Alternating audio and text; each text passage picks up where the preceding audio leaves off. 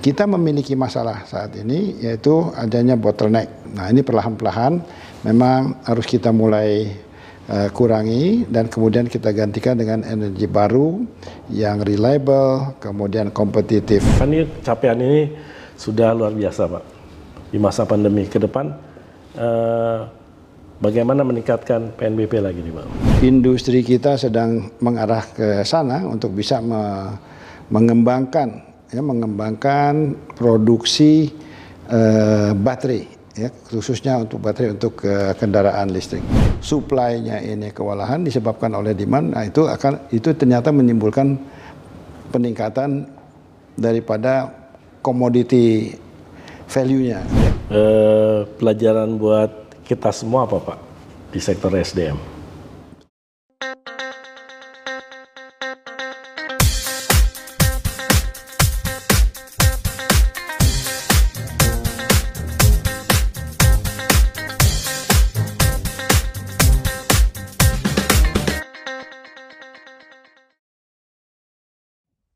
Sobat Trade Merdeka, sekarang ini saya sedang bersama Menteri Energi dan Sumber Daya Mineral Bapak Arifin Tasrif. Apa kabar Pak Arifin? Baik-baik Pak Kiki. Terima kasih Pak Arifin.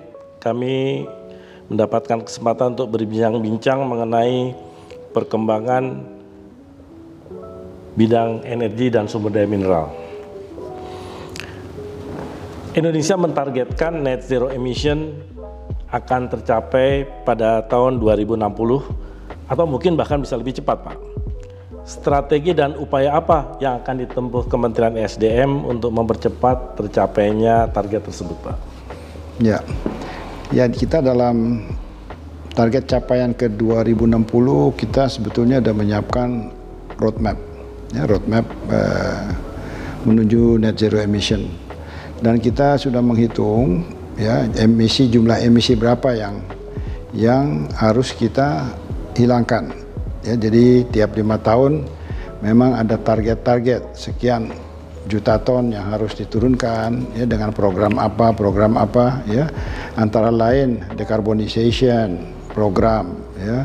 Ya contohnya misalnya bagaimana kita bisa mengganti pembangkit-pembangkit diesel ya menjadi eh, dengan energi lain yang lebih rendah emisinya. Contohnya pertama dengan gas, sebelum nantinya kita menuju ke uh, zero emission ya dengan energi baru terbarukan.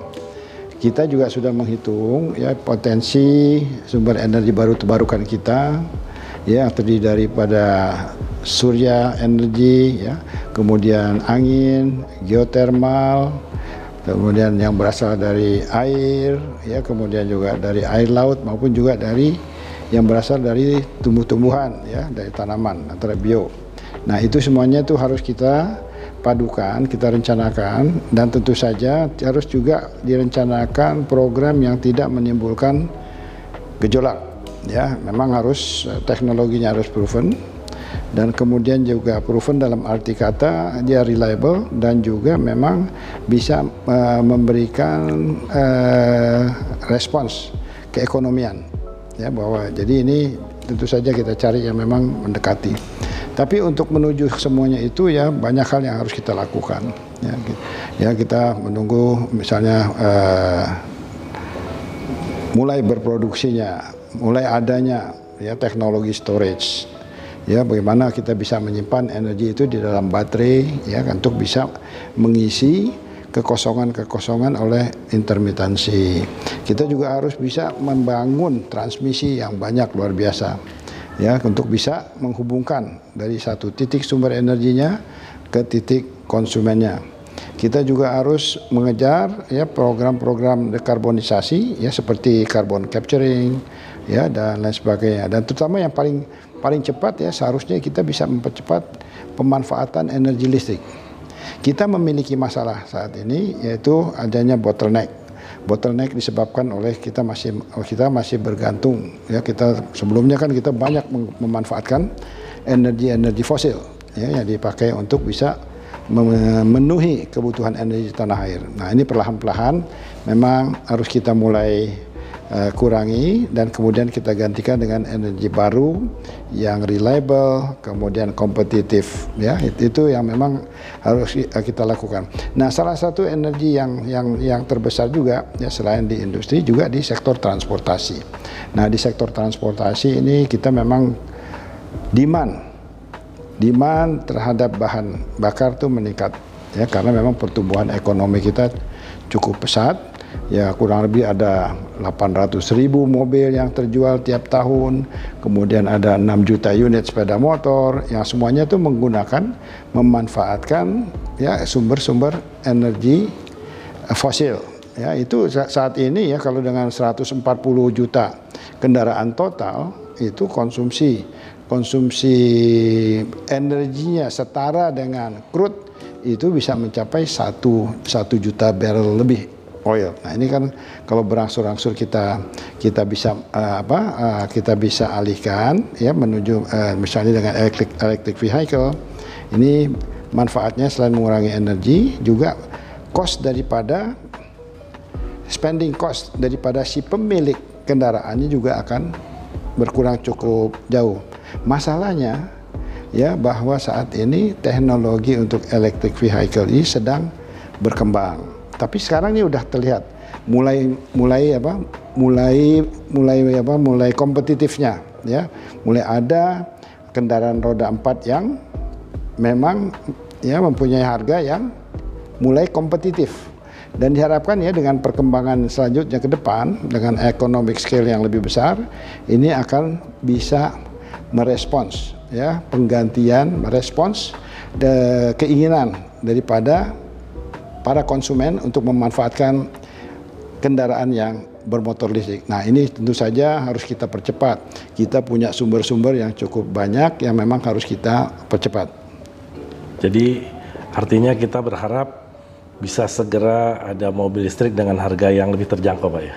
Ya, kita harapkan gitu ya. Kita juga sekarang industri kita sedang mengarah ke sana untuk bisa me mengembangkan ya mengembangkan produksi uh, baterai ya khususnya untuk baterai untuk uh, kendaraan listrik. Uh, pihak Kementerian SDM kan juga punya uh, program untuk memasyarakatkan kompor listrik itu bagaimana Pak? Ya. Khususnya kompor listrik induksi Pak? Ya, itu itu satu program yang menurut saya ya harus kita kita sosialisasikan kepada masyarakat. Bagaimana manfaat daripada kompor listrik ini ya. Nah, sekarang ini saya sedang melakukan percobaan ya untuk bisa memakai kompor listrik ya. Ini di, di apa sedang diprogramkan oleh PLN dan nanti memang dalam pemasangannya itu memang akan ada bantuan-bantuan eh, apa pendanaan dari dari pemerintah nantinya tentunya. Nah, tujuannya adalah kompor listrik ini untuk bisa menggantikan bahan-bahan bakar yang saat ini menggunakan energi fosil. Ya, seperti minyak tanah, kemudian juga uh, eh, LPG ya LPG ini kan salah satu jenis energi yang memiliki apa uh, kebutuhan subsidi sangat besar ya dan makin lama itu makin meningkat ini harus segera kita antisipasi nah jawabannya adalah kita harus bisa ya mem mempercepat program konversi ya sistem memasak di rumah tangga dari yang menggunakan energi fosil dengan energi listrik yang lebih bersih. Manfaatnya banyak sesudah dihitung, ya memang uh, cost untuk uh, energinya ini sendiri jauh lebih kompetitif dibandingkan dengan cost dari LPG. Yep. Indonesia optimis bahwa pada tahun 2025 target bauran energi akan tercapai yakni energi baru terbarukan 23 persen, gas 22 persen, minyak bumi 25 persen, dan batu bara 30 persen.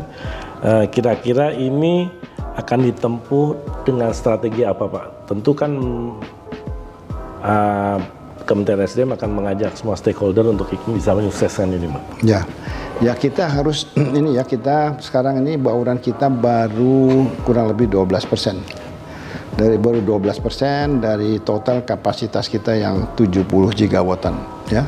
Nah ini semuanya banyak kan didukung oleh geothermal dan juga oleh hydro. Nah, kita punya potensi geothermal yang cukup besar, ya kita punya juga potensi hidro yang cukup besar dan lagi-lagi kita juga punya potensi sumber energi matahari yang cukup besar. Jadi ini yang harus kita percepat. Ya, pertama geothermal, ya uh, memang uh, kita masih tersendat, ya disebabkan memang kos untuk membangun ya uh, pembangkit listrik dari geothermal ini masih cukup tinggi, cukup besar. Untuk itu ya pemerintah sedang menyiapkan ya satu skema ya bagaimana bisa ya, menyerap dari, sebagian daripada apa capital cost ya yang memang nantinya akan menyebabkan energi output cost yang dari yang dihasilkan itu lebih murah ya dan ini sedang di sedang disiapkan satu regulasi yang terkait dengan tarif tarif daripada energi terbarukan. Nah, kemudian juga kita harus memanfaatkan sumber-sumber hidro kita yang ada, ya, sumber-sumber hidro kita yang ada di uh, di dalam negeri, ya. Yang ada sekarang kita harus upayakan untuk bisa dilakukan revamping, ya, kemudian peningkatan efisiensi dan lain sebagainya.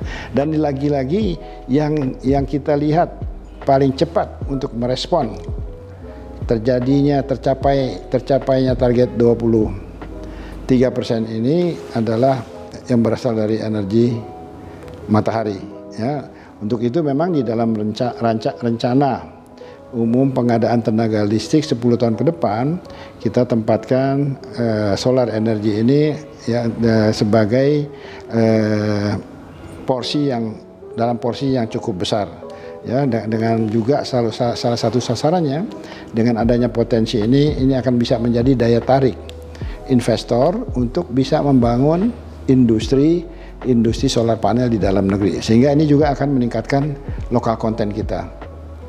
Jadi kita mengharapkan ada peningkatan lokal konten, Mbak ya, ya. di dalam pengembangan EBT ini, Mbak ya. ya. Pandemi COVID telah berlangsung dua setengah tahun. Ada tantangan dan juga ada peluang pihak SDM terus melakukan berbagai upaya inovasi dan transformasi.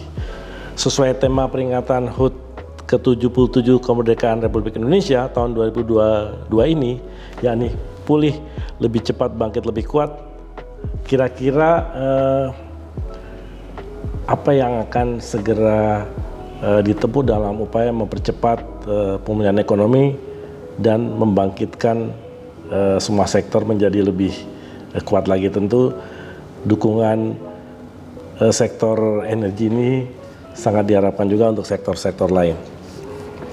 Baik, jadi memang di uh, Kementerian kami ini kan selain energi juga ada sumber daya mineral ya. Saat ini kita memiliki beberapa proyek-proyek ya yang sudah selesai maupun yang sedang berjalan terkait dengan pengolahan sumber daya alam kita yang bentuk mineral. Ini harus kita percepat ya pengelolaan hulu prosesnya dan kemudian diikuti dengan hilirisasi ya yang akan bisa memberikan nilai tambah lebih tinggi ya bisa membuka peluang menambah meningkatkan tenaga kerja dalam negeri. Job creation. Job creation ya. Nah, kemudian juga di sektor energinya sendiri ya kita masih memiliki potensi-potensi migas yang cukup besar. Ya. Tadi kita bicara mengenai energi bersih terbarukan. Nah, saya ingin menyampaikan sedikit mengenai uh, bagaimana peran daripada sektor migas di kita. Kita ini masih defisit ya terhadap minyak khususnya. Untuk gas kita masih surplus kita ekspor ya tapi memang yang di yang di untuk mengenai minyak kita masih melakukan importasi dan jumlahnya cenderung meningkat karena memang demand meningkat ya. Tadi saya sampaikan ya demand mobil aja tiap tahun sekian, demand motor roda dua aja tiap tahun sekian ya 6 juta, 5 juta. Nah, ini kan membutuhkan dukungan energi yang besar.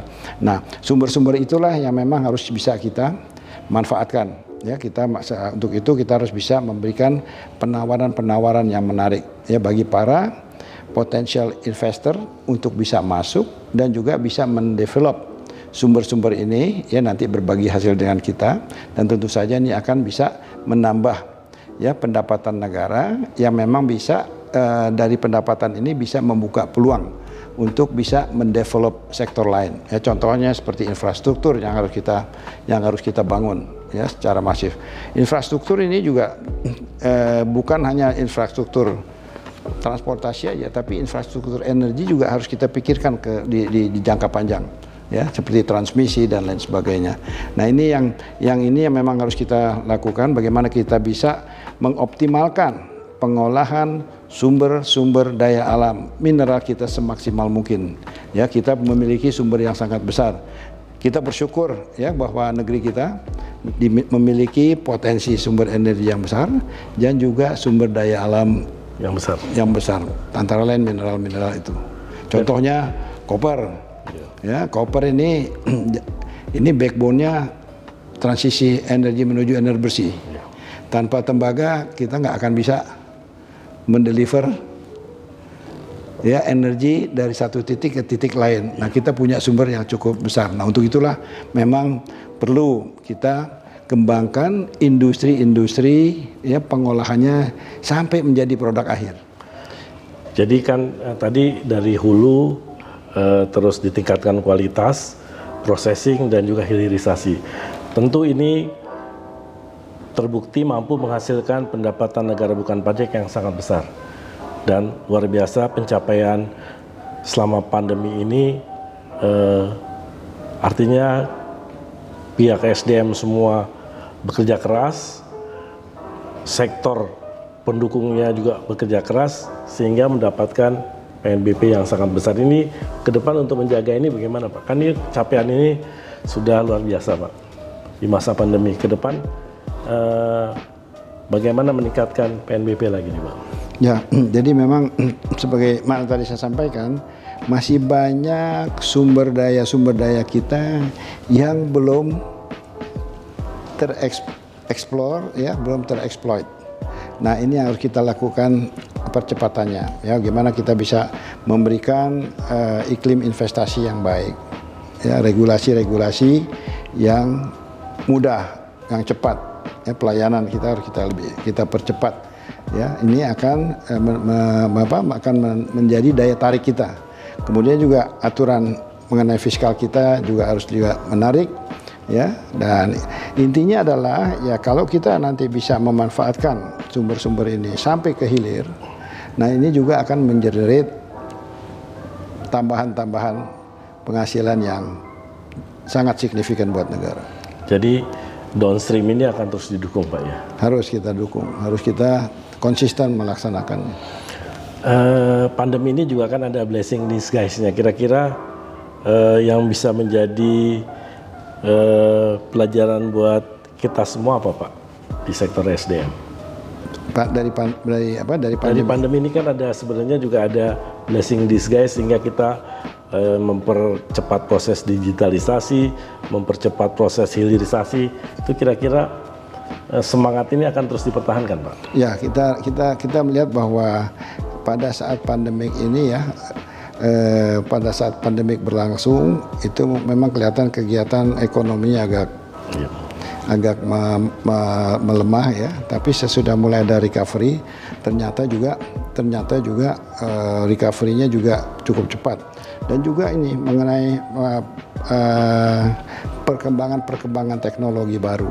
Nah ini mempercepat ya mempercepat uh, pertumbuhan demand daripada material-material yang dibutuhkan. Ya misalnya dengan teknologi digitalisasi, dia membutuhkan mineral-mineral khusus ya untuk bisa dimanfaatkan ya eh, teknologi dengan teknologi tersebut.